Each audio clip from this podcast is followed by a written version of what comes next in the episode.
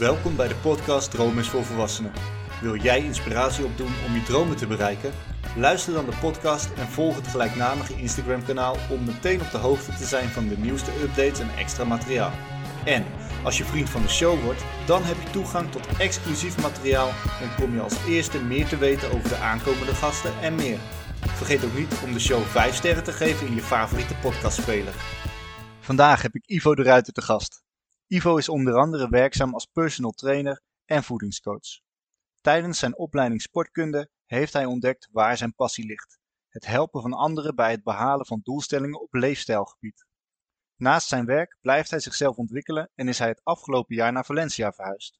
Over het hoe en waarom van deze verhuizing, de invloed van zijn eigen reis naar een gezonde leefstijl en de invloed op het bereiken van zijn dromen gaan we het in deze aflevering onder andere over hebben. Ivo, welkom bij de podcast en hoe gaat het met je? Dankjewel, dankjewel. Um, ja, gaat, gaat hartstikke goed. Uh, we komen er zo meteen denk ik nog wel eventjes op, maar ik ben nu een, uh, voor nou, een weekje, anderhalve week weer even terug in Nederland. Um, vanwege een bruiloft van een oud klasgenootje. Uh, en ook weer eventjes om wat familie en vrienden hier op te zoeken. Dus ja, vandaar dat ik weer even in Nederland ben. Ja, en nou ja, ik wil zeggen, je treft het met het weer, maar ik geloof dat we de, we hebben weer een lekkere voorjaarsstorm, zeg maar zo, uh, ja, te pakken. Precies. Nou, het is nu uh, nou ja, midden, eind mei, zeg maar 20 mei, dat we deze opname hebben. En uh, nou ja, gisteren was het al feest en ik geloof dat vandaag het straks ook weer feest wordt. Ehm, maar goed, je zei het al, hè, terug in Nederland, want bruiloft van een, van een klasgenootje. Ehm, dus ik denk, laten we bij het begin beginnen. Mhm. Je zat, uh, zelf zat je op de middelbare school en je moest kiezen voor een opleiding. En uiteindelijk werd dat dus sportkunde. Waarom? Ja, um, nou, ik, ik heb zelf uh, een, een verleden vanuit de topsport eigenlijk. Ik heb van mijn achtste tot mijn achttiende heb ik aan uh, wedstrijd wielrennen gedaan.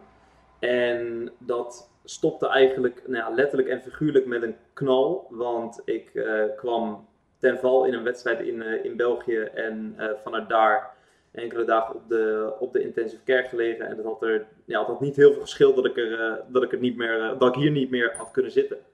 En um, nou ja, vanuit uh, het herstel van die valpartij was eigenlijk zeg maar, het wielrennen was, was, was klaar voor mij. Um, niet zozeer omdat ik fysiek niet meer goed terug kon komen. Want nou ja, ik verbaasde mezelf echt over het feit hoe relatief snel je lichaam, op het moment dat je gezond bent, uh, hoe snel je lichaam kan herstellen. Maar het, het mentale gedeelte, zeg maar de mentale klap, die was veel groter dan dat ik zelf had verwacht. En daar kwam ik eigenlijk pas achter toen ik uh, opnieuw weer deelnam aan een, uh, aan een wedstrijd. En nou ja, dan word je eigenlijk in één keer weer in eenzelfde soort situatie gegooid.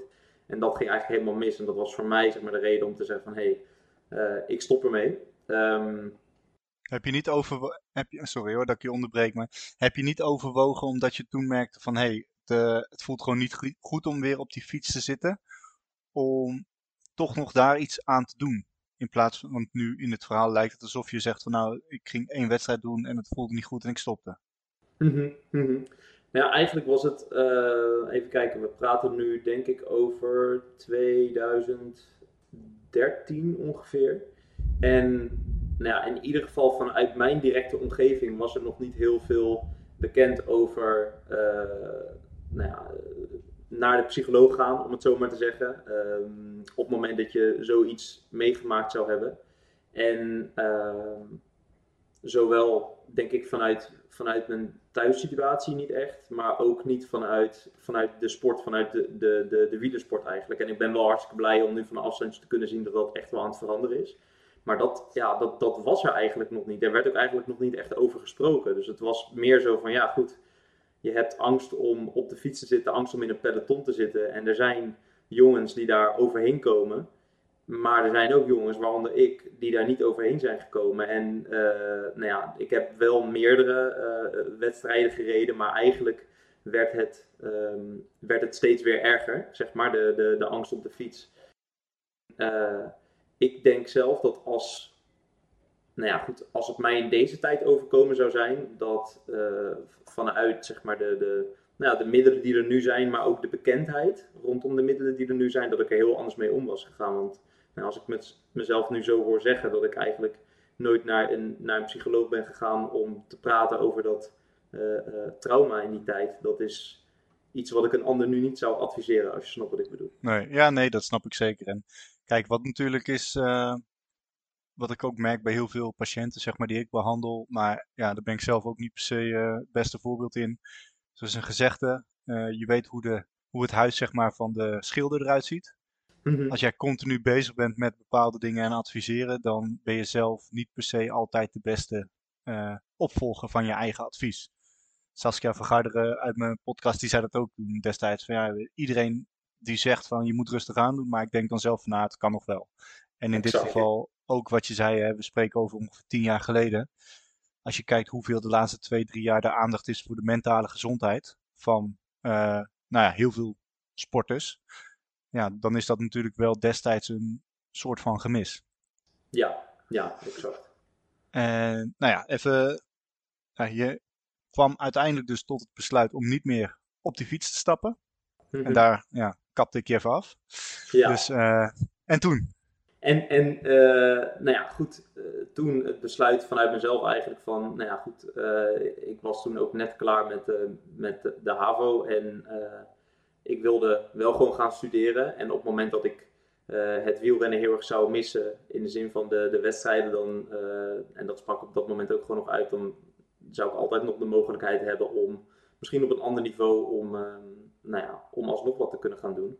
Maar goed, dan de keuze voor welke, voor welke studie, welke opleiding. Nou ja, ik vond sporten gewoon ontzettend fijn, ontzettend tof. En ik wilde daar anderen ook heel erg graag bij, bij helpen. En nou ja, in mijn zoektocht naar vervolgopleidingen kwam ik op ehm, eh, verschillende opleidingen terecht, waarin ik eigenlijk al heel snel wist van, nou ja, informatica wil ik niet in, laten we zeggen economische kant lijkt me, lijkt me niet zoveel. Dus eigenlijk door weg te strepen kwam, kwam eigenlijk uh, kwam het sporten kwam, kwam naar boven. En ik kan me nog heel goed herinneren, dat was in Den Haag was er een sportopleiding, sportmanagement heette dat. En er was een opleiding in, in Haarlem. En dat heette toen nog Sport en Bewegen, Leefstijl en Gezondheid. En ik ben naar de inhoud van beide bachelorstudies gaan kijken. En nou ja, de studie in Haarlem, die nu overigens sportkunde heet, die sprak mij echt het, het, meeste aan. Omdat er heel veel aandacht was voor een gezonde leefstijl. En eigenlijk alle onderdelen daarin werden mee genomen. Dus vanuit daar ook mijn keuze voor die specifieke studie. En daar ben ik achteraf gezien echt extreem blij mee. Want op het moment dat mensen mij vragen eh, hoe die opleiding ja, was vormgegeven, is vormgegeven en hoe de aandacht daar is voor studenten, dan ben ik er nog steeds echt lyrisch over. Ja, ja dat, uh, dat doet me ook wel een beetje. Uh, kijk, sportkunde, voordat wij elkaar ooit ontmoeten digitaal, zeg maar, daar kom ik straks nog wel op, had ik eigenlijk nog nooit van de opleiding gehoord. En wat je zegt, nou, dan ga je dus wegstrepen. En dan, in mijn geval was het ook zo, ik wilde iets in de gezondheidszorg doen. En sport was ook wel een dingetje wat ik leuk vond. En dan in mijn geval vooral voetbal. Mhm. Ehm, ja, dus ik dacht, ik ga fysiotherapie doen. Mhm. Super, super tof. Behalve mijn uh, cijferlijst. Die was niet zo tof. Dus uh, het was een lotingstudie en ik zat in de laagste categorie. Dus uiteindelijk heb ik doordat ik was uitgeloot, uh, ben ik oefentherapie Cesar gaan doen, wat ook gewoon wel in de gezondheidszorg daarin zat. Ja. Um, ja, en je gaat inderdaad afstrepen van, als je het echt niet weet wat je wil doen, kijk dan eerst wat je echt niet wil doen. En op die manier komt er vanzelf, als het goed is, iets op je pad wat, uh, ja, wat je wel kan doen. Um, voordat we verder gaan hè, naar de volgende vraag, ga ik je nu een vraag stellen waar ik aan het eind antwoord op wil. Mm -hmm. van, van ons gesprek. Stel dat jij dan de kleine Ivo van de basisschool zou spreken. En je zou hem één advies kunnen meegeven over het bereiken van zijn dromen. Wat zou dat dan zijn? Hoef ik nu geen antwoord op? Want ik zie je al denken van, oh, dit is een moeilijke vraag. Dat klopt, daarom geef ik je de tijd om, uh, om er even over na te denken. Uh, je zei net al van, als ik mensen, uh, als ze nu vragen van, wat houdt die opleiding dan precies in? Dan ben ik er in ieder geval enthousiast over en kan ik het ook iedereen aanraden. Maar wat houdt die opleiding dan precies in? Ja, tijdens de, uh, tijdens de opleiding leer je eigenlijk. Um, en het wordt heel lastig voor mij om dit nu echt, echt samen te vatten. En ik ga hem ook even zo, zo beschrijven zoals ik hem in die tijd heb beleefd. Want ze zijn wel continu bezig met het, uh, met het veranderen van de, van de inhoud, het aanscherpen van de inhoud. Ja, het is continu in ontwikkeling. Exact, maar de opleiding hield op dat moment voornamelijk in van, hey, um, we hebben hier een aantal studenten zitten die weten dat ze in sport willen werken. Maar ze weten nog niet precies wat ze willen doen. En dat is ook niet zo raar, want hoe kan je nu weten wat je precies wil doen zonder dat je het hebt ervaren? Dus ehm, door ons te laten ervaren, uh, door voor uh, grote groepen te gaan staan, van verschillende leeftijden eigenlijk, van, van, van, van peuter- en kleutergym tot uh, zeg maar het helpen van, van ouderen bij beweging, maar ook het helpen van, of tenminste het, voornamelijk het richten op bijvoorbeeld recreatieve sport, maar misschien ook wat meer richting topsport toe, zijn we eigenlijk nou ja, als individu hebben kennis kunnen maken met hetgeen wat er allemaal is, maar ook voornamelijk wat we, wat we leuk vinden. En nou ja, dus voornamelijk ook bijvoorbeeld sporten waarin het gaat om nou, bijvoorbeeld bepaalde balsporten, maar ook de hele kant van, van fitness bijvoorbeeld, waar we op de nu ook kennis mee zijn gaan, gaan maken. En dat is eigenlijk in een notendop wat, wat de opleiding op dat moment inhield. Um, ja, er was ook nog een hele tak wat toen ging over volgens mij gezondheid, uh, gezondheidsmanagement en gezondheid binnen bedrijven. Hoe je dat zou kunnen, zou kunnen verbeteren. Uh, dus ook wat meer een, managementrichting werd ook aangeboden. Maar eigenlijk liet die opleiding je voornamelijk snuffelen aan alle verschillende functies die er zijn in de praktijk. En op basis daarvan zou je dan je eigen keuze kunnen maken van, van de, de richting die je op zou, zou willen gaan. Ja, en dat is misschien dan ook uh, iets meer gespecialiseerd als je die kant op zou willen. Want je noemde net al van overkoepelend heet het uh, sportkunde, maar ik hoorde ook wel iets over leefstijl voorbij komen. En sporten is natuurlijk voor veel mensen onderdeel van hun leefstijl, maar goed, werken net zo, om het zo te zeggen. Exact, exact. Dus, dus de, de, de hele component uh, leefstijl werd ook gewoon echt, kwam echt extreem uh, vaak naar voren. Waarin we van alles hebben geleerd over, uh, over voeding, over beweging, ook echt een stukje fysiologie, dus echt over, over het menselijk lichaam.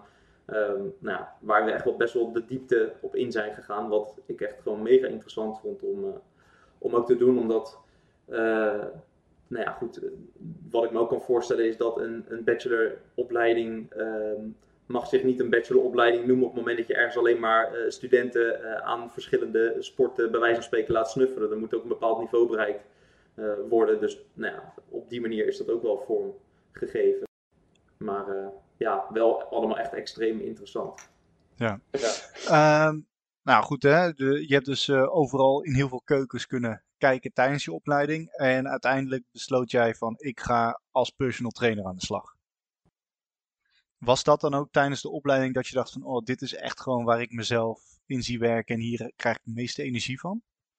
Mm, ik heb. Um, ik wist eigenlijk pas vrij laat tijdens mijn opleiding wat ik, wat ik echt uh, wilde. Um, dat kwam een beetje richting het eh, richting het derde jaar dat ik erachter kwam tijdens een lange stage. Ik heb stage gelopen bij um, uh, Nieuw Groenendaal, dat zit in Heemstede. En dat is een fysiotherapie plus praktijk met een groot fitnessgedeelte. En ik heb daar stage gelopen in de fitness. En dat was zo extreem interessant om daar zo mensen te kunnen, te kunnen begeleiden. Dat ik op dat moment eigenlijk wel achter kwam van hey, dit is wel iets waar ik extreem veel energie van krijg. Meer energie dan met alle respect bijvoorbeeld gymlessen zeg maar, geven. Ja, dus meer die één op één begeleiding. Juist, exact, exact. En in, het, en in het vierde jaar werd dat nog maar eens bevestigd toen, toen ik een, een minor, dat heette toen kracht- en conditietrainer, ben gaan volgen. Nou ja, waar we gewoon nog wat meer de diepte op in zijn gegaan. Um, en ja, vanuit daar zo kwam ik er wel steeds meer achter van hé, hey, ik vind gedragsverandering echt ontzettend tof. En uh, voornamelijk op, op individueel niveau om dat te kunnen bereiken bij mensen. Uh, dus vanuit daar eigenlijk. Ja, en je hebt dan niet nog, of tenminste, heb je dan nog getwijfeld om bijvoorbeeld een opleiding zoals fysiotherapie of ergotherapie te doen? ja, die, die, twijfel, die twijfel is er wel gewoon echt heel erg geweest. Um, en voornamelijk tijdens de opleiding ook wel dat die, dat die twijfel er was. Um, en ik, ik wilde eigenlijk ooit altijd uh, fysiotherapie doen, omdat mijn moeder is fysiotherapeut en ik ben een aantal keer bij haar gaan kijken en ik vond het wel hartstikke interessant om dat, om dat te doen. En toen heb ik tijdens, de, tijdens mijn eigen studie ook wat meer, nou ja, laten we zeggen, fysiotherapie-achtige casus, casussen gekregen. En ehm, wat meer casussen die ehm, wat meer richting een, een ander gedeelte van een stukje revalidatie gingen. En ik merkte dat, tot mijn eigen verbazing, dat ik de fysio-achtige casussen minder interessant vond dan, dan die andere. En um, vanuit daar kwam eigenlijk gewoon mijn eigen beslissing van ja goed, nee, ik ga hierna niet bijvoorbeeld ook nog ergotherapie of, of fysiotherapie doen.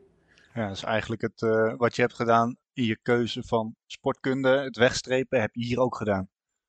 Ja, juist, juist. En, en dat vond ik echt heel, heel fijn, omdat ze gewoon al die verschillende mogelijkheden gaven eigenlijk, uh, om, om overal aan te snuffelen. Ja, ja, en dat is denk ik ook wel goed hoor, dat je je moet heel veel kunnen ervaren voordat je weet van nou, dit is echt waar mijn hart ligt, waar ik verder in wil. En dan is zo'n opleiding natuurlijk ideaal als ze het op die manier hebben, hebben ingericht.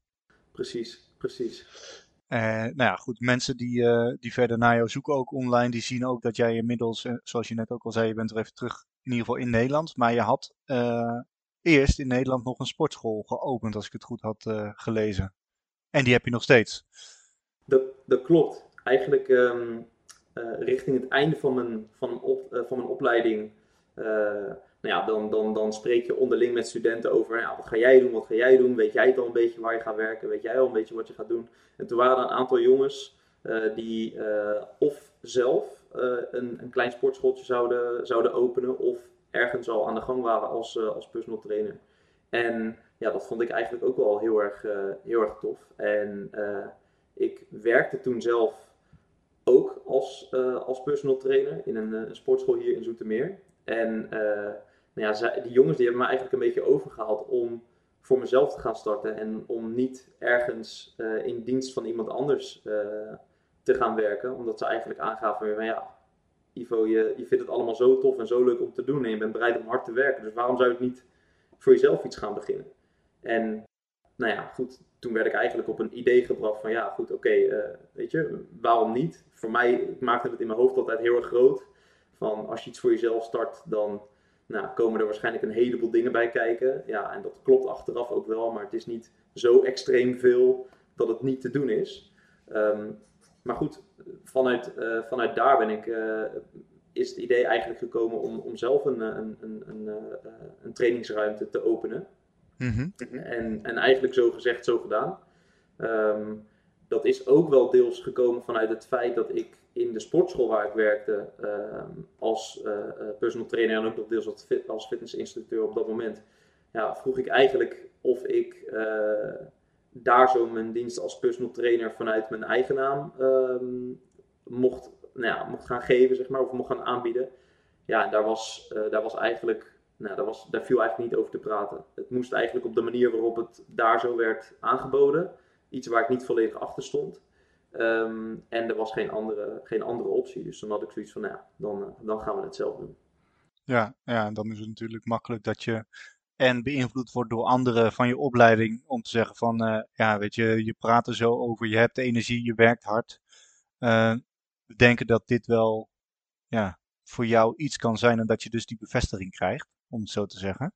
Precies, uh, precies. Is, is dat dan ook als je een parallel kan trekken met jouw nou, topsport, topsportcarrière, om het zo te zeggen, wat je in het wielrennen ook altijd deed? Um, ja, er zijn, er zijn wel een aantal. Uh, er zijn wel een aantal dingen in mijn, in mijn leven die je wel redelijk naast elkaar kan, kan leggen. Waarin het, het wielrennen en uh, de manier waarop ik uh, mijn studie benaderde en daarna ook de manier waarop ik werk benaderde, ja, dat, dat kan je wel redelijk naast elkaar leggen eigenlijk. Ja. Ja, dus dat is eigenlijk gewoon een karaktereigenschap van jou die je kan toepassen op heel veel gebieden. Ja, pre precies. Als in van, nou ja, als ik, als ik iets graag wil en ik ben er zelf uh, in die zin van overtuigd dat, uh, dat ik er graag hard voor, voor wil gaan werken, dan is niet alleen maar dat ik dat zeg, maar dan, uh, dan probeer ik het ook gewoon echt te, te doen. Ja. ja, en als ik dan kijk, hè, want ik heb natuurlijk ook even op je website gekeken en wat daar staat, dan zie ik een aantal pijlers voorbij komen met betrekking tot jouw uh, werkwijze. Mm -hmm. Wat betekenen die pijlers dan precies voor jou? Ja, dat is, dat is een super interessante. Um, en er staan een aantal, staan een aantal pijlers uh, over, over een stukje training, over een stukje, een stukje voeding um, staan, er, uh, staan erbij. Misschien goed om even het klein. Ik kan me voorstellen dat je het niet zo kan oplepelen. Maar inderdaad, training, voeding, leefstijl. En dan staat er nog daaronder een privé trainingsruimte, software en deskundige begeleiding. Ja, juist. Juist. En nou ja, die, die pijlers, die, um, dat, dat was en is eigenlijk het, hetgeen waar, waar, ik voor, waar ik voor sta. Um, met op dit moment, omdat het gewoon een tijdje geleden is dat ik ben gestart met nog wel wat enige verdieping. En dan voornamelijk in het, uh, in het, het voedings- en het, en het leefstijlgedeelte. Maar eigenlijk toen ik, toen ik hiermee startte, wilde ik nou, de mensen die op de website terecht uh, zouden komen, um, wilde ik eigenlijk laten zien dat de manier waarop ik naar, uh, naar training keek, onder andere, of naar, naar het, het, het, veranderen van je eigen leefstijl, zeg maar, de manier waarop ik daarnaar keek, dat dat veel breder was dan alleen maar training. Veel breder was dan alleen maar, oké, we gaan nu een afvaltraject in, bij wijze van spreken, van, van acht weken en dan gaan we heel hard trainen en weinig eten en dan, uh, dan hopen dat het allemaal gelukt is. Maar dat is uh, wel nog een beetje de manier hoe het, nou ja, ik denk, en gelukkig gaat het, wordt het er steeds, wel, steeds meer uitgehaald, maar nou, tot een jaar of vijf geleden waren er een heleboel personal trainingspakketten die zo vorm waren gegeven. Als je zou, als je zou googlen op uh, personal training en dan de, de, de, de woonplaats van waar je, het, waar het dan in ieder geval zou willen volgen, dan nou ja, was het aanbod vaak zo ingericht. Hey, je kan uh, losse ja. trainingen kan je, uh, kan, je, kan je eigenlijk bij ons, bij ons afnemen. Ja, en voor de rest, zoek het maar uit. En dit is letterlijk ook ja. de reden waarom ik voor mezelf ben gestart en niet bij de sportschool ben gebleven. Want daar was het eigenlijk gewoon van, het was niet bespreekbaar dat er iets in het pakket opgenomen zou worden over een stukje coaching, een stukje leefstijlbegeleiding, uh, voedingsbegeleiding en nou ja. Gedragsverandering. Juist, gedragsverandering, exact.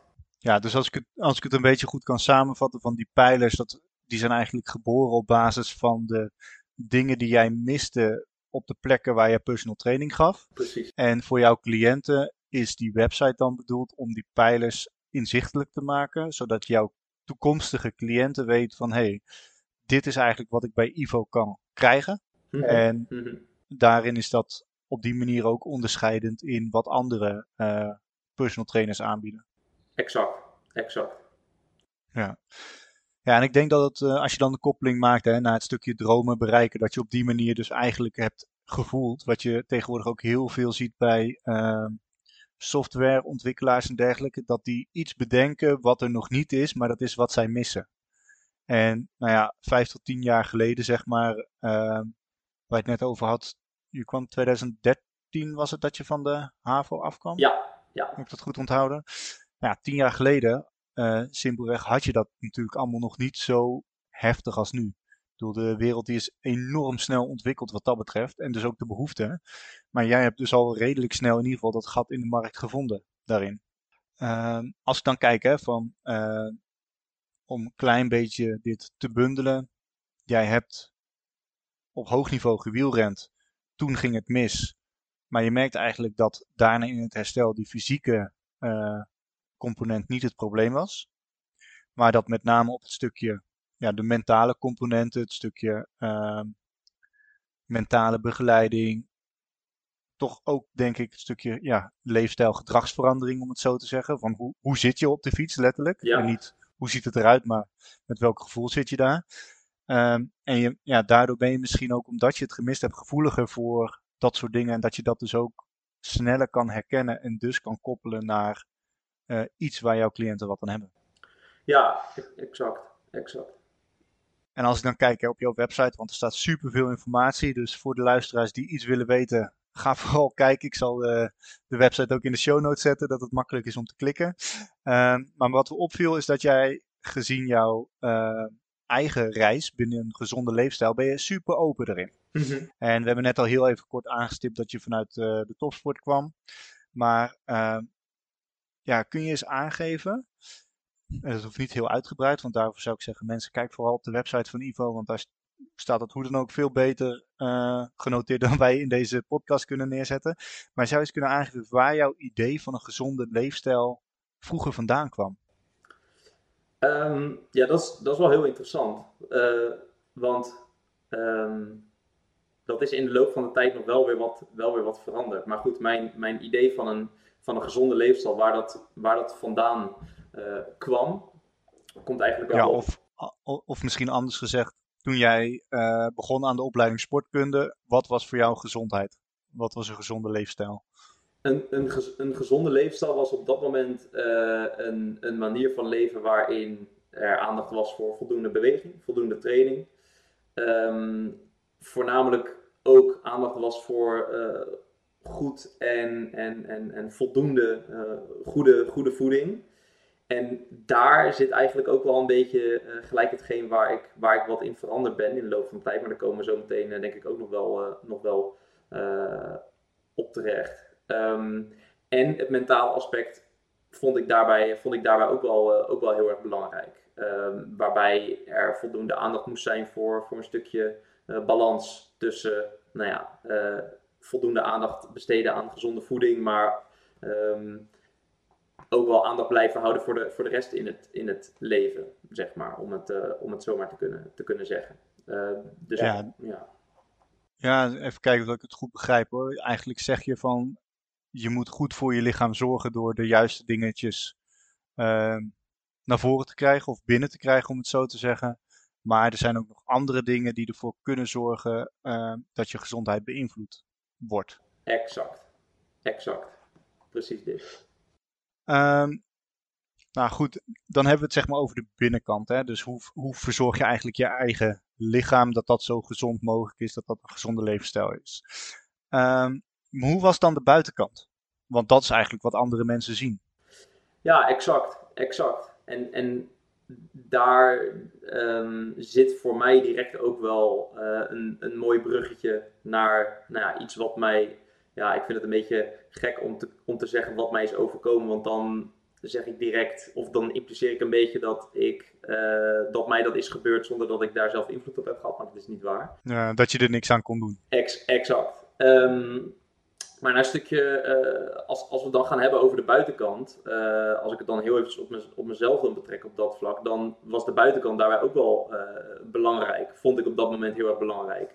Dus dat ik er gespierd uit zou, zou zien, omdat anderen mij dan misschien wel hoger zouden, zouden hebben zitten op dat moment, op dat vlak. Als, als mens of als personal trainer, hoe moet ik dat dan um, zien?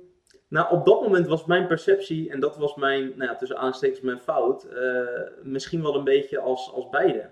En uh, dat was ook watgene waar het voor mij een beetje misging. En dat, dan hebben we het nu over 2018. Um, want de gedachte die ik toen op dat moment had was van, hey, hoe tof zou het nu zijn als ik het hele jaar door uh, droog zou kunnen staan. Oftewel een laag vetpercentage kunnen, zou kunnen hebben.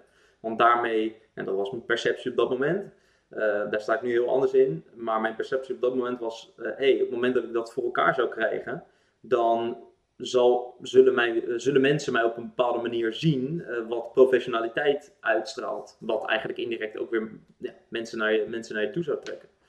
En dat is iets wat bij mij eigenlijk wel mis is gegaan.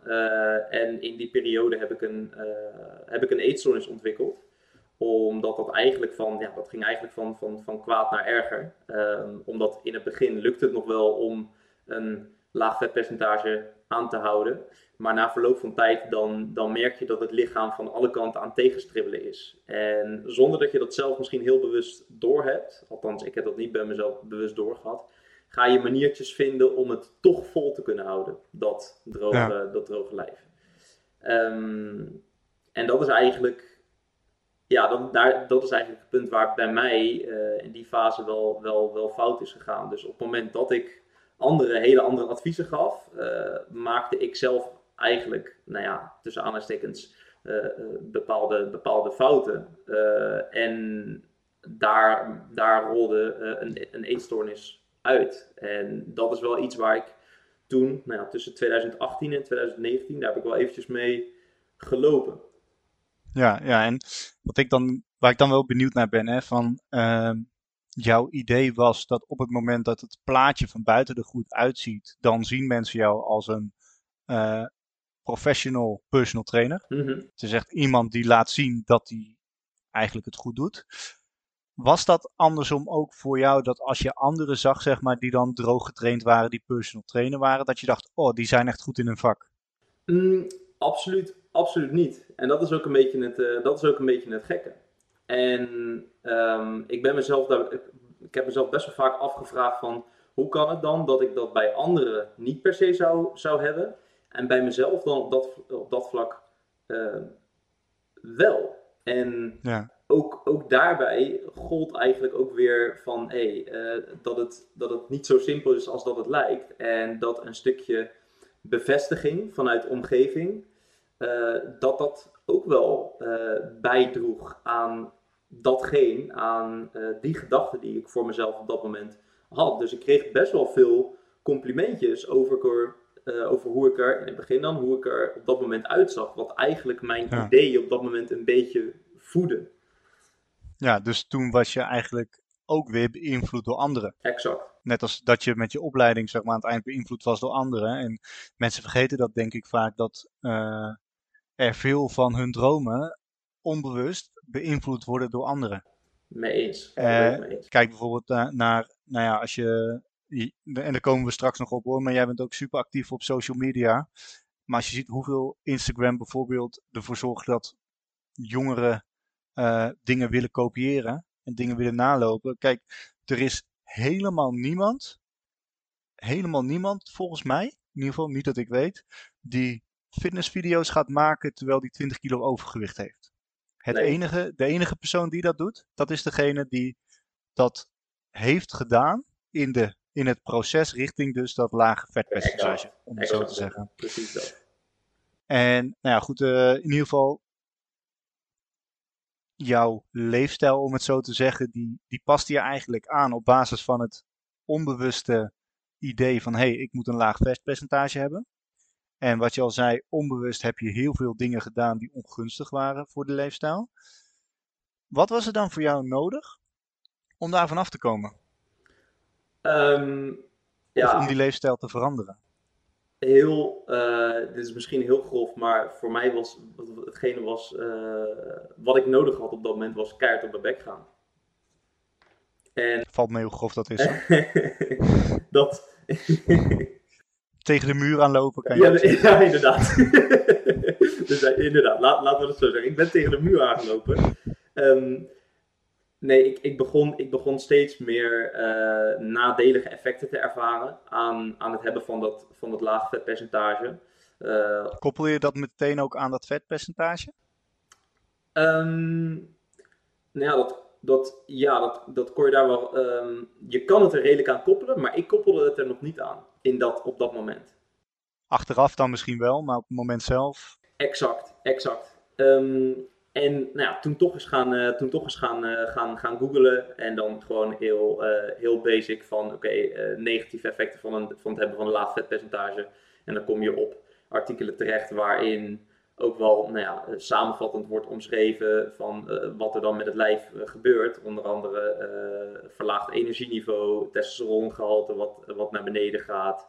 Ehm, eh, altijd vermoeid zijn, eh, hele lage rusthartslag hebben, wat niet, ook niet altijd goed is. Er wordt natuurlijk vaak bij topsporters gezegd van zo, je hebt een goede conditie, want je hebt een hele lage rusthartslag. Nou, dat is, ja, als je een goede conditie hebt en om die reden een lage rusthartslag hebt, oké. maar vanuit eh, deze invalshoek is dat iets minder gunstig. En eigenlijk herkende ik me gewoon in, dat was echt een lijstje met, met, met nou, ik denk een stuk of 15 kenmerken. En ik herkende me gewoon echt in, in, in 14 kenmerken. En eh, Ja. In dat ene, ja, zeg maar, dat, dat ene andere kenmerk wat er dan nog was, dat, eh, daar herkende ik Was voor dat- vrouwen. Ja, exact. Dat was een beetje dat, dat, dat verhaal. Ehm, en dan hebben, we het, eh, dan hebben we het over bijvoorbeeld uitblijven van menstruatie. eh, wat Ja. in het geval bij, bij vrouwen gebeurt. Ja, en Ja. toen, toen kwam bij mij wel gewoon steeds meer dat, dat besef van ja goed, het, dit, dit, dit is niet goed. Ehm, en, en, en het echte om, omslagpunt bij mij was dat ik ehm, door, nou ja, goed, in, in je hele spijsverteringsstelsel gaan er ook gewoon dingen niet helemaal lekker meer eh, qua vertering. Ehm, en ik uh, belandde, nou ja, op een, op een nacht belandde ik op de, op de spoedeisende hulp, omdat ik gewoon zulke grote krampen had. Ja, er ging gewoon van alles mis. Ja, en dat was voor mij wel gewoon, uh, toen, ik, toen ik daar zo lag, dacht ik wel van ja, Ivo, het is nu gewoon echt klaar. Want je, je, dit is gewoon niet vol te houden. Je moet gewoon accepteren dat dit niet te doen is. Dus dat is voor mezelf wel het omslagpunt geweest. Uh, maar ja, dat is dan wel een heel duidelijk live event van oké, jij had een manier gevonden om dat te doen wat je graag wilde nastreven, namelijk dat lage vetpercentage. En het leek in het begin alsof die weg supergoed was. Totdat je op, ja, misschien eerder al, maar echt dat punt van, nou, dit is echt niet goed, dat kwam op de spoedeisende hulp. Precies. Exact. Ja. Exact.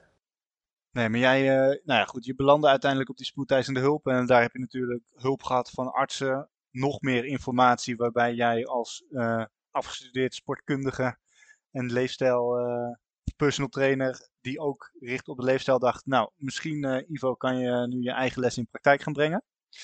Maar wat had je nodig om uiteindelijk die, echt die verandering voor elkaar te krijgen? Was dat alleen dat spoedeisende hulpbezoek of was er ook iets anders?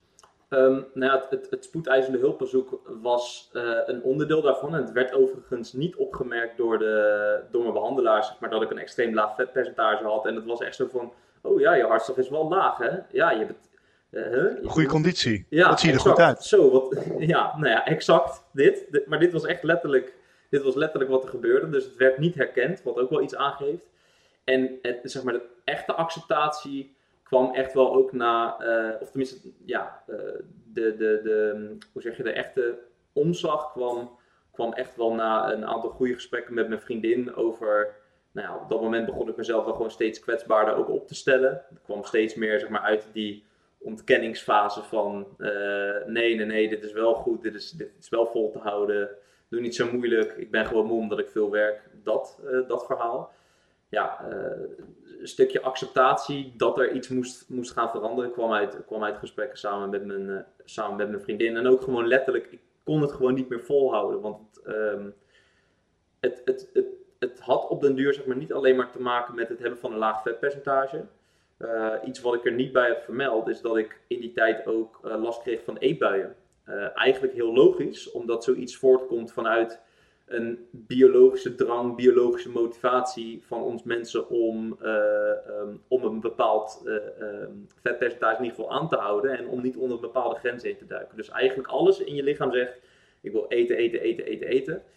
Um, en dat hongergevoel gaat niet weg, ook al heb je gegeten. En dat is natuurlijk iets heel raars, want normaal gesproken gebeurt dat natuurlijk wel.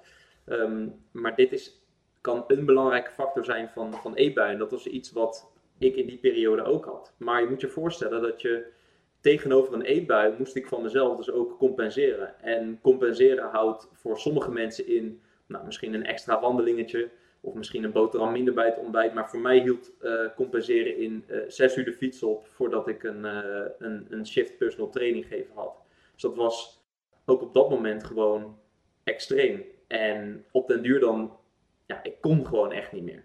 Ehm, en, en, en uh, omdat mijn lichaam begon tegen te stribbelen. Eh, en alles in combinatie met gesprek samen met mijn vriendin. Die overigens psychologe is. Dus die wist precies wat ze moest zeggen en wat ze moest vragen. Um, ja, knakte ik. En accepteerde ik van, oké, nee, dit kan niet meer zo. Dit... Ja, dat was echt letterlijk je breaking point. Ja. Daarin. En Kijk, wat ik ook wel hoor in jouw verhaal tot nu toe, hè, is dat mensen om je heen echt super belangrijk zijn geweest in het pad wat jij hebt bewandeld. Mm Want uiteindelijk, als jij die, uh, ja, even heel cru gezegd, maar als jij niet jouw peloton om je heen had, mm was je nu nooit had je nooit deze hele reis gehad, zeg maar. Precies dit, ja. En wat, nou ja, wat misschien wel het, uh, het jammere is voor wielrennen in Nederland dat de nieuwe Mathieu van der Poel hier tegenover me zit dan uh, digitaal. Maar dat we dat nooit zullen weten. Is dat die mentale gezondheid van heel veel mensen eigenlijk en ook van topsporters gewoon nog onvoldoende ja, van belang is. En als je, de, of in ieder geval onvoldoende van belang, er heerst een soort schaamte overheen of zo. Juist. En zeker bij mannen is, ja, je mag niet op je gevoel praten. Uh, Precies ben je vader van een gezin, dan moet je ervoor zorgen dat je gezin het goed hebt. Of goed heeft. Uh, als man moet je eigenlijk fulltime werken. Uh, en wat nog meer, zeg maar. Precies. En daarmee zeg ik niet, lieve luisteraars, dat vrouwen het makkelijker hebben. Want ook vrouwen hebben Mhm. het enorm zwaar. Alleen het lijkt alsof het bij vrouwen meer geaccepteerd is om over die mentale gezondheid te kunnen praten. Exact. Ja. En dat is natuurlijk wel iets wat, nou, als ik dan kijk naar het bereiken van dromen. En ik weet niet hoe dat, en dat is wel eigenlijk een mooie inleiding voor mijn volgende vraag, namelijk hoe was dat voor jou? Ehm, als ik mijn dromen bereik of denk aan dromen die ik wil bereiken, dan krijg ik daar een bepaald gelukkig gevoel van. En als ik op de route ben naar, daar naartoe, dan heb ik succes en dat geeft me ook een goed gevoel. Mhm. Als je dan kijkt naar datgene waar we het net allemaal over hebben gehad, welke rol speelde jouw gevoel daar dan in? Was je bijvoorbeeld gelukkig met wat je deed? Ja, dit is een, dit is een super, dit is een super goede vraag. Bij de, ik denk bij de, tijdens de, tijdens de opstart van dat alles, ja, 100%. Want eh, tijdens de opstart van, van mijn bedrijf wilde ik gewoon heel graag mijn werk kunnen maken eh, van eh, leefstijlbegeleiding. En nou, ik zette dan training, training als belangrijke factor in om alles een beetje samen met elkaar te kunnen krijgen. Ehm, en, en uiteindelijk, en, en dat is een beetje het, het, het jammere, eh, het plezier zeg maar, in, in, in, in coachen, in begeleiden is toen nooit helemaal weggegaan, maar is wel verminderd door mijn eigen problematiek op dat moment. En daarin, ik wil niet zeggen, heeft mijn, heeft mijn gevoel me in de steek gelaten, maar ik dacht dat ik iets goeds deed voor, me, voor mezelf. Maar dat was uiteindelijk niet het, niet het juiste. In ieder geval op dat, op dat moment. En misschien klinkt dit een beetje zweverig. Maar ehm, achteraf gezien ben ik zo ontzettend blij dat ik toen echt gigantisch hard tegen een muur aan ben gelopen. Ehm, want dat, nou, ik ben ervan overtuigd dat, dat het had vroeg of laat was dat, was dat gebeurd. Misschien niet op, op dit vlak, maar op, een, maar op een ander vlak. Nou ja, en wat je eigenlijk denk ik eh, ook wel zegt daarin is dat je hoe dan ook op een gegeven moment, je moet goed voor jezelf zorgen en zelf lekker in je vel zit om uiteindelijk de hoogste kwaliteit te kunnen geven in datgene waar je je passie hebt. Exact. En als jij bijvoorbeeld ehm, heel veel eh, stress ervaart op het werk of je, hebt, je zit niet lekker op je plek of niet lekker in je vel Mhm. En dat is puur werkgerelateerd, denk je, heeft dat echt heel veel invloed op je gezin, op je sport, op je hobby's of wat dan ook. Dan is het zo dat je misschien zelfs, als je het dan hebt over leefstijl en een stukje gedrag, als je thuis komt, dat je toch eerder eh, eten bestelt of die zak chips opentrekt, om het zo te zeggen. Exact. Terwijl je, als je lekker in je vel zit, denkt, nou, zullen we eerst even een wandelingetje maken voordat we lekker samen gaan koken. Precies. Precies. Nou ja, en als we het dan hebben over het stukje leefstijl en gedrag. Ik, hou, eh, ik zou wat dat betreft ingenieur kunnen zijn, want ik hou van bruggetjes maken. Ehm, ik zei het al eerder, hè, de, de, voor de luisteraars eh, misschien goed om te weten. Wij hebben elkaar fysiek nog nooit ontmoet, maar we kennen elkaar een beetje door wetenschappelijk eh, onderzoek waar we allebei als expert in zitten. Dat is vanuit eh, de Hogeschool van Amsterdam. En die zijn in het kader van online behandelmogelijkheden voor een gecombineerde leefstijlinterventie aan het kijken van waar moet het dan aan voldoen. En jij zit dan vanuit jouw expertise, ik zit vanuit mijn expertise. Ehm, en nou ja, ik zei ook al in de introductie, jij bent eh, afgelopen jaar was het volgens mij naar Valencia verhuisd. Ja, vorig jaar maart. Ja. Ehm, maar jij hebt nog steeds die personal trainer, uh, de sportschool eigenlijk, in Zoetermeer. Mhm. En jouw website is ook gewoon op Nederlands. Dus hoe zorg jij er nou voor dat, jij, dat die cliënten die jouw sportschool bezoeken of jouw coaching krijgen, door jou zo goed mogelijk gefaciliteerd kunnen worden? Mhm. Super, super duidelijk. Ehm, ik heb op dit moment eigenlijk een, ehm, een onderverdeling tussen uh, offline begeleiding en online begeleiding. En het gedeelte offline begeleiding, dat is eigenlijk alles, uh, het hele rijden en zeilen rondom die, uh, rondom die, die sportschool heen.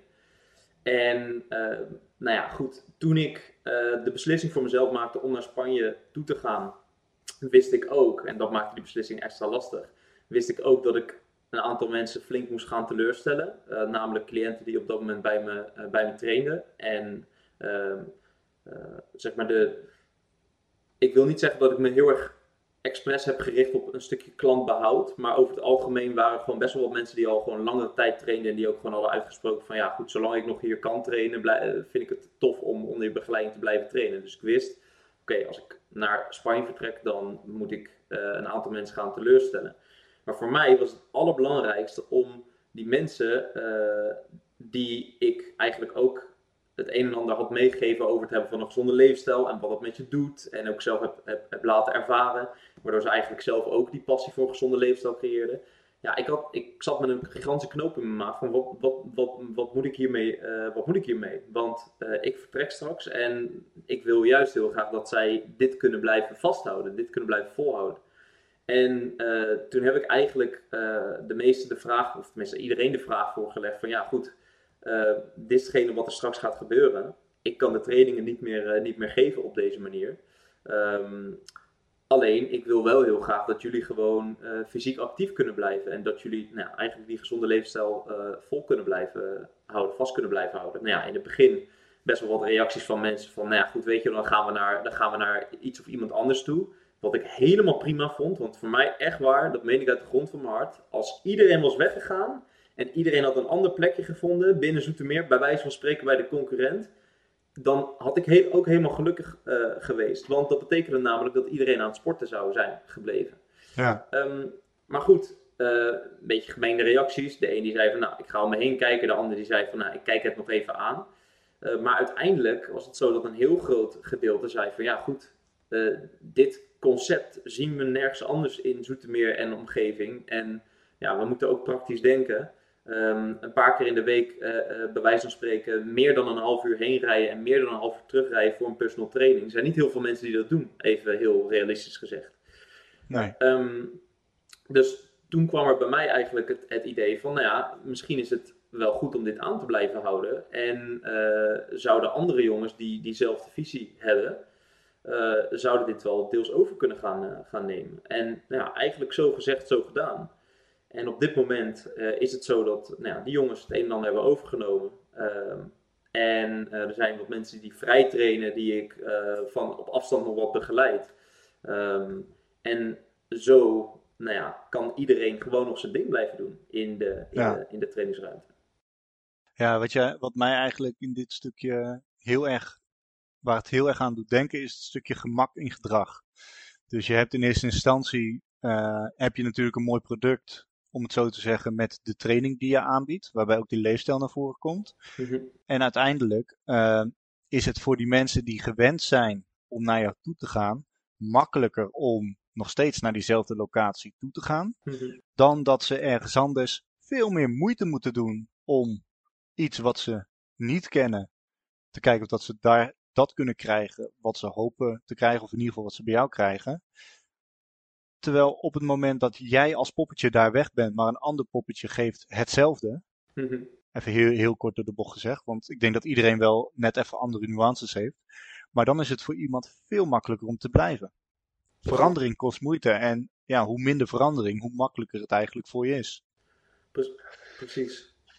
En heeft dan die, uh, uiteindelijk, hè, wat je zegt, die sportschool die bestaat nog. En daardoor heb je denk ik ook wel een bepaalde basis qua financiën. Mm Want mensen die betalen jou onder andere ervoor. Maakt het voor jou dan het ook makkelijker om eigenlijk die stap naar Valencia te zetten? Uh, ook, dit is, ook dit is wel een hele interessante. Um, ik, nou, om even een, een kleine intro uh, te geven over hetgene wat ik dan in Valencia qua werkzaamheden doe. Want ik, uh, ik wil mensen inderdaad niet het idee geven van oké, okay, die gast die zit lekker in Valencia. Op het strand, uh, daar zo een beetje fietsen langs de boulevard. Stuurt, stuurt hier en daar wat appjes in de week en, uh, en dan vindt het allemaal wel prima. Um, toen, um, uh, toen ik helemaal hersteld was van mijn eigen eetstoornis en ik was daar echt wel een tijd van af. toen voelde ik op den duur, had ik zoiets van, ja goed, ik, ja, ik schaamde me op dat moment gewoon extreem om als personal trainer, slash leefstijlcoach, die gewoon vier jaar in de schoolbank heeft gezeten en die daar zijn werk van heeft gemaakt schaamde ik me on, onwijs ervoor voor hetgene wat ik had gehad. En de eetstoornis, want dat, ik deed zeg maar letterlijk alles wat ik een ander niet zou aanraden. Maar aan de andere kant uh, voelde ik ook wel heel erg aan van ja, maar ik zal vast en zeker niet de enige zijn. En daar werd ik zeg maar, door een aantal professionals waarvan ik wist dat zij daar ook mee hadden gezeten, wist ik van hé, hey, er blijven nog een heleboel onder de radar. En ik voelde op dat moment gewoon heel erg van, ja, maar oké, ik ben er nu helemaal doorheen gekomen. Uh, ik heb die, die pijn ervaren die hoogstwaarschijnlijk anderen op dit moment ook zullen ervaren. Ik wil hier anderen mee helpen, ik wil hier iets mee doen. Dus toen heb ik met een, uh, nou ja, eigenlijk met een van mijn beste vrienden, uh, hebben we samen een video opgenomen waar, waarin ik, nou ja, die ook letterlijk noemde Opening Up Mijn Eetstoornis. En niemand die ervan wist. Dus nou ja, in één keer dropte ik die video eigenlijk op, op, op socials. Om te laten zien van ja, goed, het gaat niet altijd uh, met iedereen goed. En dat was, werd toen zo goed ontvangen.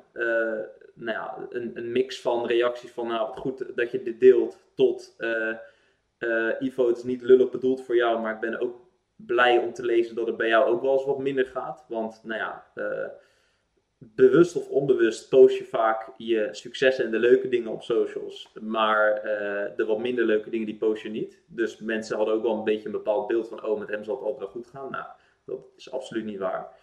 Um, maar ook een heleboel vragen van mensen die met hetzelfde struggelden. Zowel personal trainers als niet-personal trainers. En vanuit daar, um, nou ja, kwam er eigenlijk ook een nieuw type soort begeleiding coaching, namelijk bij uh, uh, begeleiding bij, voor mensen met, met e-problematiek. En dat is zeg maar zo snel, zo erg gegroeid, uh, dat dat nu eigenlijk hetgene is waar ik het grootste deel van mijn tijd mee bezig ben. En nou ja, financieel gezien eigenlijk ook het, dat is de reden dat ik in, in Valencia kan, kan blijven wonen. Want het, het laatste wat ik wil is dat trainers in Zoetermeer die daar de, die daar de trainingen geven, dat, uh, dat zij aan het werken zijn en dat ik het, het geld naar binnen, naar binnen hark. Dus... Ja, en, en er, zijn, er zijn genoeg eigenaren die daar wel anders in staan natuurlijk. Ja. Die wel denken van uh, jullie werken voor mij en ik uh, ga ook lekker naar Valencia toe, maar dan wel op het strand zitten. Ja. maar wat je hier eigenlijk zegt, denk ik, wat misschien wel het meest belangrijke uh, ook is geweest van de podcast die ik met Just had in aflevering 7, was dat volgens mij of 8, aflevering 8, is het stukje kwetsbaarheid. Dat je dus daadwerkelijk gewoon alle maskers af, dit is wie ik ben, dit is waar ik mee te maken heb en het is allemaal niet zo goed of perfect. Ik bedoel, het, terecht wat je zegt, iedereen vindt het heel leuk om zijn of haar successen te laten zien. Ook als je kijkt op alle socials uh, of ik weet nog dat 2016, ik was in Maleisië. Uh, toen is voor mij zeg maar de knop omgegaan dat toevallig ik werkte in Zoetermeer en de praktijk waar ik werkte ging failliet. Mhm. Ja, ik hield in ieder geval mijn cijfers altijd wel bij en ik dacht nou ik maak minimaal vier keer mijn netto loon aan omzet. En in één keer was er, uh, nou was het zo van, uh, oh ja, volgende maand dan uh, ben je afgestudeerd. Ja, dan ga je denk wat anders doen, dus we gaan niet met jou door als een doorstart maken. Nou ja, ik zie een verbazing op mijn gezicht, op jouw gezicht. Die had ik ook ongeveer dezelfde. Hoe, hoe ben jij daarmee omgegaan? Nou, ik zat toen, een goede vraag. Uh, ik moest dus ook mijn masterscriptie afronden. Dus ik heb uh, deels weggestopt, want ik moest iets afronden. Dus ik had wel iets op te focussen. En ik had gelukkig een goede vriendin van mij, Kim Custis, de gast zeg maar in aflevering 3 van mijn podcast. Mm -hmm die had in maart of zo had gezegd van, wat doe je deze zomer voor vakantie? Ik zeg, ja, geen idee. Oh, dan kun je toch lekker bij mij uh, op het strand in Maleisië waar ik werk uh, even chillen. Mm -hmm. Dus, nou ja, ik zei, ja, prima. En toen ging ik trainen voor de voetbal. En toen ik terugkwam van de voetbal had ik uh, een ticket naar Maleisië. Een retourticket, zeg maar. En, nou ja, ik heb daar gewoon twee weken lang op zo'n strand gezeten. Op zo'n, ja, ik denk dat het strand zelf de helft van Texel was qua grootte. Uh-huh. En ik heb daar gewoon twee weken lang alles laten bezinken. Bedacht van wat wil ik nu? Um, ik wist in ieder geval dat ik niet 40 uur per week als therapeut wilde werken. Daar was ik wel echt over, uh, over uit. En ik had gelukkig nog wel bij de praktijk waar ik nu nog steeds werk, dat ik al één dag in de week werkte. Dus ik had in ieder geval niet een zwart gat of zo. Uh-huh. Maar ja, ik heb toen gewoon tijd genomen. En eventjes genoten en bedacht, vooral bedacht van oké, wat wil ik nu? En ik heb daar gewoon wat bucketlist dingetjes afgerond die ik graag wilde doen. Zuidoost-Azië bezoeken. Uh, snorkelen had ik nog nooit gedaan. Nou ja, dan zit je daar op een plek. Daar kan dat wel. Mm zeevissen. Dus ik ben daar met de eigenaar van het resort ben ik gaan oh, zeevissen. Ja, dat was echt super tof. En op die manier in ieder geval wel in beweging gebleven om uiteindelijk dus te bedenken, oké, ik weet nu dat ik de komende zes maanden, omdat ik soort van ben ontslagen buiten mijn eigen schuld, dat ik in ieder geval een financieel vangnet heb. Ja. En ga, gaan bedenken van wat wil ik nu? En uiteindelijk ben ik toen na een half jaar via een detacheringsbureau uh, in de zorgadministratie beland. Mhm. Wat uiteindelijk ervoor heeft gezorgd dat ik nu dus in een ziekenhuis als beleidsadviseur werk. Het daar super naar mijn zin heb. Uh, in de tussentijd huisje gekocht, nog een keer naar Maleisië, roadtrip naar Duitsland, deze zomer naar Costa Rica. Uh, ja, alles gaat uh, soort van sneller. ik heb ook, ik ga het even laten zien, de titel klopt nog niet helemaal, maar die heb ik ook geschreven. Wauw, wauw, wauw. Die komt ook jouw kant op. Geweldig. even, wil je hem in het Engels of Nederlands trouwens? Um. even voor de luisteraars, ik liet de vertaling van mijn uh, boek Droom is Volwassenen aan, uh, aan Ivo zien. Die waarschijnlijk bij het uitkomen van deze podcast ook te koop is. De link staat in de bio. Um, kunnen we het later over exact, hebben hoe je hem Exact, geweldig dit. um, maar kijk, wat je zegt net ook van...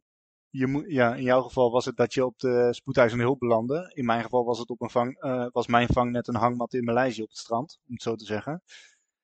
Maar ik denk dat iedereen wel een keer zijn of haar rock bottom gaat raken. Ja. Dat is gewoon zo. En vanuit daar is het aan jou, denk ik, om, of aan jou als persoon van oké, wie wil ik nou zijn en wat moet ik daarvoor doen? In, uh, in mijn cursus die waarschijnlijk dit najaar ook uh, gaat beginnen, of cursus, workshop van één dag, is dat ook gewoon een van de opdrachten van oké, dit is jouw droom wie is dan de persoon die jij moet zijn om, om jouw droom waar te maken? Ja, ja. En dan, dan gaan we het ook hebben over geld en over tijd en over vaardigheden en wat nog, wat nog meer, zeg maar. Want het is niet zo 1, 2, 3 van oké, als ik een... Uh, nou, als ik een laag vetpercentage moet hebben, dan moet ik dus minder eten en veel sporten. Zoals je net zei. Er zijn, uh, en niet iedereen heeft die droom natuurlijk. Uh, maar er zijn heel veel dromen waar je op een bepaalde manier mee aan de slag moet. En nou ja, in mijn boek staat dat, in de workshop komt dat. En ik hoop dat deze podcast mensen ook inspireert om lekker aan de slag te gaan. Want wat jij ook gewoon in jouw verhaal zegt, van, ja, het stukje mentale gezondheid is heel belangrijk. Mhm. Maar de mensen om me heen, je laten beïnvloeden, om het zo te zeggen, door anderen. Maar soms als je het niet weet, gewoon eens wegstrepen van oké, wat wil ik nou niet? Precies. En nou ja, in jouw geval, jij wilde dus eigenlijk niet in Nederland blijven. Exact. Exact. Want uh, volgens mij had ik gezien op jouw social media, jouw vriendin komt ook uit Spanje? Ja, zij, uh, zij is Spaans, ja.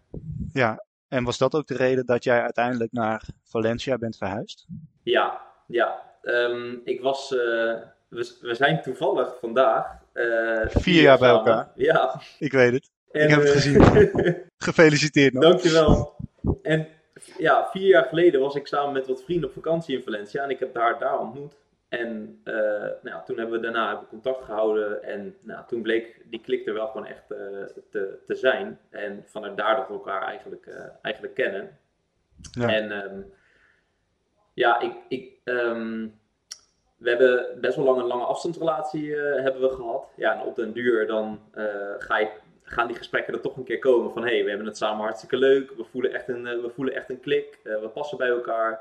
Um, maar ja, zo'n lange afstandsrelatie, het is het toch niet helemaal. Dus ja, dan komt hij. Wat gaat het worden? Nederland of Spanje? En dat is eigenlijk een, eh, een, een, vraag die we nou ja, elkaar al nou ja, relatief snel zijn gaan, uh, zijn gaan stellen. Om het maar gewoon in de week te leggen. Ja, en, en uh, um, op, op dat moment merkte ik gewoon heel erg van ja, Ivo, je moet nu gewoon echt voor je, voor je gevoel gaan, uh, gaan kiezen. In plaats van alles heel rationeel op een, uh, uh, zeg maar, naast elkaar gaan zetten.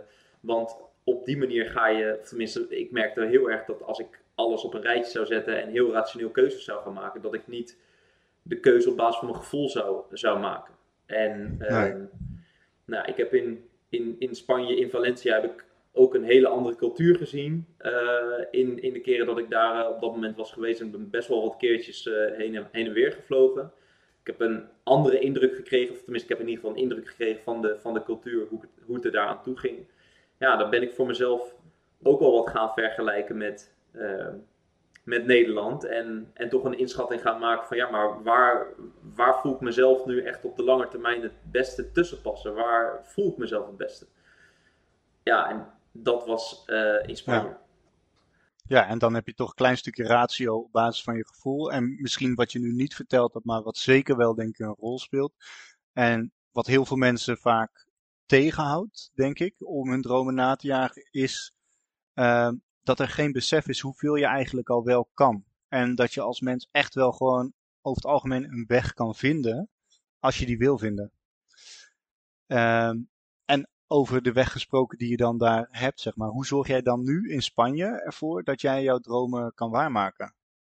Ja, dat is een, dat is een hartstikke goeie. Want om voor mezelf voldoende rust te ervaren om daar überhaupt al naartoe te kunnen uh, zijn gegaan, is, is voor mij, uh, ja, hoe je het ook went of keert, uh, een stukje werk wel heel erg belangrijk geweest. Want het is wel heel leuk en aardig om die kant op te verhuizen. Maar op het moment dat je geen, geen, geen, geen werk hebt, dan ga je er toch anders tegenaan kijken. Dus voor mij was het online werk, online coaching, was wel iets heel erg, iets heel erg belangrijks wat mij een, een stukje zekerheid gaf.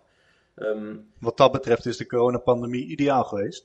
Ja, ja dat, precies. Want, want mensen zijn eigenlijk verplicht geweest om dit uit te testen. En uh, nou ja, het is mensen beter bevallen, uh, wat ik in ieder geval zie, dan, dan dat mensen van tevoren zouden, zouden verwachten.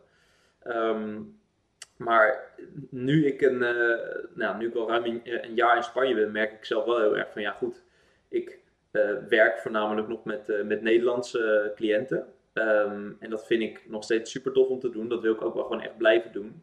Maar ik merk dat om echt mijn dromen waar te kunnen maken, is voor mij uh, een stukje integratie in Spanje is echt wel heel erg, uh, heel erg belangrijk. En integratie denk ik op meerdere vlakken. Um, op het gebied van de, van de taal. Dus ik ga daar uh, twee keer in de week volg ik privéles. Um, mm -hmm. Nou ja, goed. En thuis spreken op dit moment ook alleen maar, alleen maar Spaans. Dus daardoor gaat het ook gewoon wat, wat makkelijker en wat sneller.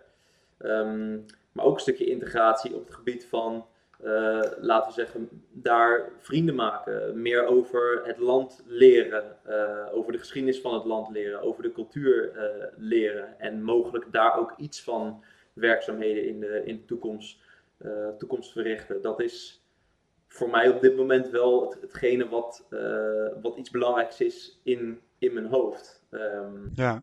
Ja. Nou, het is wel mooi wat je zegt eigenlijk. Van je wil een bepaalde basis creëren, zeg maar, waarop je weer verder kan bouwen. En je hebt gekeken van, oké, wat is daar dan voor nodig? En ja, de taal is natuurlijk een open deur voor iedereen. Maar dat is wel essentieel. Maar ook het stukje geschiedenis, stukje cultuur, stukje ook sociale contacten binnen, zeg maar, die, ja, die Spaanse kring, om het zo te zeggen, is daarin ook gewoon uh, echt wel essentieel. En, nou ja, heel simpel, het werk wat jij nu met de Nederlandse cliënten online doet, zorgt ervoor dat jij dus die Spaanse privéles kan betalen. Exact. Waardoor je dus uiteindelijk op die manier stapje voor stapje verder komt naar uiteindelijk, uh, nou ja, die droom.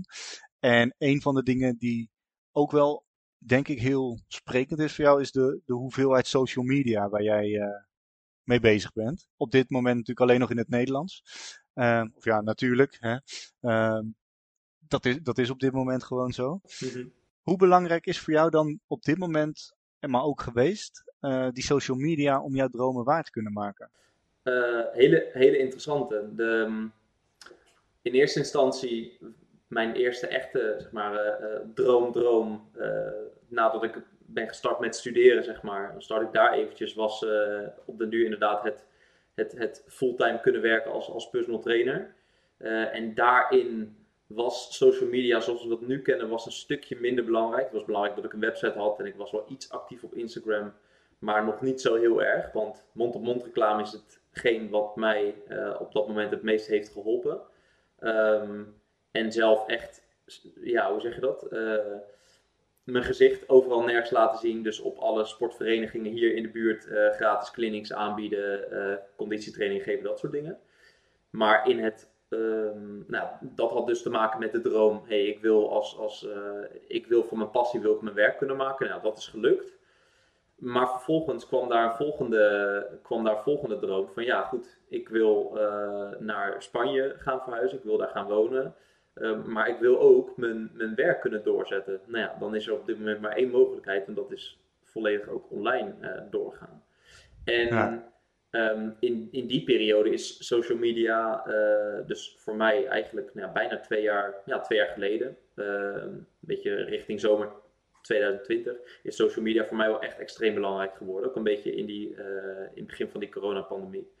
Um, omdat ja, de doelgroep zit niet in één keer alleen maar in Zoetermeer, maar zit ook gewoon in één keer door heel Nederland heen. En ja. Um, ik merk heel erg op, op social media dat uh, ik, ik ben actief bezig om ja, mezelf op de kaart te zetten op social media. In combinatie met het verspreiden van de boodschappen die ik heel erg belangrijk vind. Um, maar ja, dat leidt er wel toe dat social media extreem belangrijk voor mij is. En uh, als Instagram weg zou vallen bijvoorbeeld, dan uh, zou ik echt wel even een ander platform moeten zoeken om het dan in één keer op te gaan, op te gaan vinden. Dus daar ben ik wel heel eerlijk in. Ja. Ja, precies. Maar het is dan niet zo dat je daarin uh, dat het geen rol heeft. Ja, social media is natuurlijk super makkelijk voor iedereen om zijn of haar boodschap te kunnen verspreiden. -huh. En ja, daar gaat ook. Ik heb net toevallig opgeschreven jij investeert heel veel tijd en geld uiteindelijk in het bereiken van die droom. En hoeveel tijd er achter het perfecte plaatje of het perfecte videootje op Instagram zit, dat vergeten mensen wel eens. Maar nou ja, om nog even terug te komen op uh, 2016, het strand in Maleisië. Ik heb een of andere, of nou niet een of andere, ik heb een Aziatische vrouw daar een half uur lang een selfie zien maken. Een half uur lang. Voor de perfecte foto. Nou ja, als je er vijf per minuut maakt, dan ben je dus al gewoon 150 foto's verder. Ja. Dat ik echt dacht van, oké, okay, waarom? Nou ja, goed, voor die persoon was het misschien heel, ik weet niet wie het was verder. Dus wellicht dat het gewoon heel, uh, heel belangrijk is voor, ja, ja, ja. Uh, voor haar destijds. En dat was ook 2016, dus dan heb je het al wel weer over zes jaar geleden, zeg maar. En als je ziet hoe, ja, ik ben er nu ook veel meer mee bezig dan destijds. Toen had ik nog niet eens Instagram volgens mij, of toen kreeg ik het net. Dus ja, dat is dan, uh, dan wel een verschil. Ja. Nou, als we het dan hebben over de tijd hè, en hoe snel dat gaat, waar sta je dan over vijf tot tien jaar? Ja, dan vind ik dat, dat, is, een hele goede, dat is een hele goede vraag. Um, normaal gesproken dacht ik altijd heel erg na als ik, als ik die vraag gesteld kreeg van oké, waar sta je over vijf tot tien jaar? Dan dacht ik altijd heel erg, uh, um, nou, waar sta je over vijf tot tien jaar met wat betreft werk. Maar die blik is voor mij ook wel in de afgelopen, jaar, uh, afgelopen jaren heel erg veranderd naar waar sta je überhaupt in het leven waarvan werk gewoon een onderdeel is. Um, maar als ik die vraag op dit moment zou beantwoorden, dan uh, zou ik nog steeds uh, in Spanje wonen. Dan is de kans best wel aanwezig dat er misschien ook wel een mini-Ivo rondloopt op dit moment. Of over vijf tot tien jaar. Um, en dan leid ik daar, ja, dan leid ik daar gewoon een, een, hartstikke fijn leven. En ben ik nog steeds bezig met het verspreiden van de boodschap die ik op dit moment aan het verspreiden ben, ben. Als het gaat over het hebben van een gezonde leefstijl en een gezonde relatie met voeding. Um, en waarin dat, nou ja, een beetje afhankelijk van de tijd, uh, iets andere vormen aan is gaan nemen voor een hopelijk groter publiek. Waardoor de impact ook wat, uh, wat groter is dan dat die op dit moment is. Ja, ja, dat is eigenlijk het pad waar je nu, wat je nu bewandelt, zoals zowel in werk als privé, verder be, ja, bewandelen en groeien daarin. Ja, ja, exact. Maar wel terecht wat je zegt, door heel veel mensen die kijken dan op één gebied, terwijl ja, werk is nog niet eens 25% van je totale week als je 40 uur werkt. Precies, precies. En, en als je dan nog slapen erbij neemt, om het zo te zeggen, dan hou je nog tussen de 60 en 70 uh, uur per week over. Uitgaande van dat je acht uur per nacht slaapt. Dus ja, dat, uh, dat, dat, is, dat is een flink wat tijd. Um, nou, stel nou dat mensen zeggen, nou, dit, die, die Ivo die, uh, die moet ik ook hebben of die wil ik volgen. Hoe kunnen ze dat doen? Waar kunnen ze je vinden? Uh, ze kunnen me vinden op Instagram. Um, daar heet ik Ivo de Ruiter. En de Ruiter schrijf je met UIJ, zoals de ha op de havenslag. En ehm, je kan me ook vinden via www.deruiterpt.nl. En op die manier, uh, via een van die manieren kan je makkelijk met mij in contact komen. En ik zal het sowieso bij de show notes ook nog, uh, ook nog toevoegen. Ehm, hartstikke bedankt voor dit, voor dit gesprek, wat dat betreft. En nou ja, het idee was natuurlijk jij in Valencia, ik hier in Nederland. Maar goed, wat je al zei, door, of in het gesprek ervoor. Op dit moment ben je heel eventjes in Nederland. En dan hebben we nog één vraag openstaan. Ja. Die, die Ivo van de basisschool. Of wellicht uh, straks uh, de kleine Ivo uh, die dan mag rondlopen op deze wereldbol. Maar wat zou, je, wat zou je hem willen meegeven in het bereiken van zijn dromen? Dat het extreem belangrijk is dat hij of zij keuzes maakt op basis van wat hij of zij echt wilt. In plaats van hetgeen te doen waar omgeving zich goed bij voelt. En door te handelen naar een juiste reactie vanuit de omgeving. Want nou ja, dat is eigenlijk hetgeen wat ik die, uh, wat die personen wil meegeven. Want ik merk bij mezelf heel erg dat als ik precies hetgene zou hebben gedaan wat mijn omgeving uh, leuk zou hebben gevonden, dan had mijn leven er totaal anders uitgezien. Ja, dus volg je hart in plaats van wat uh, de mensen om je heen zeggen dat je moet doen. Juist, juist. heel mooi advies, dankjewel. Top.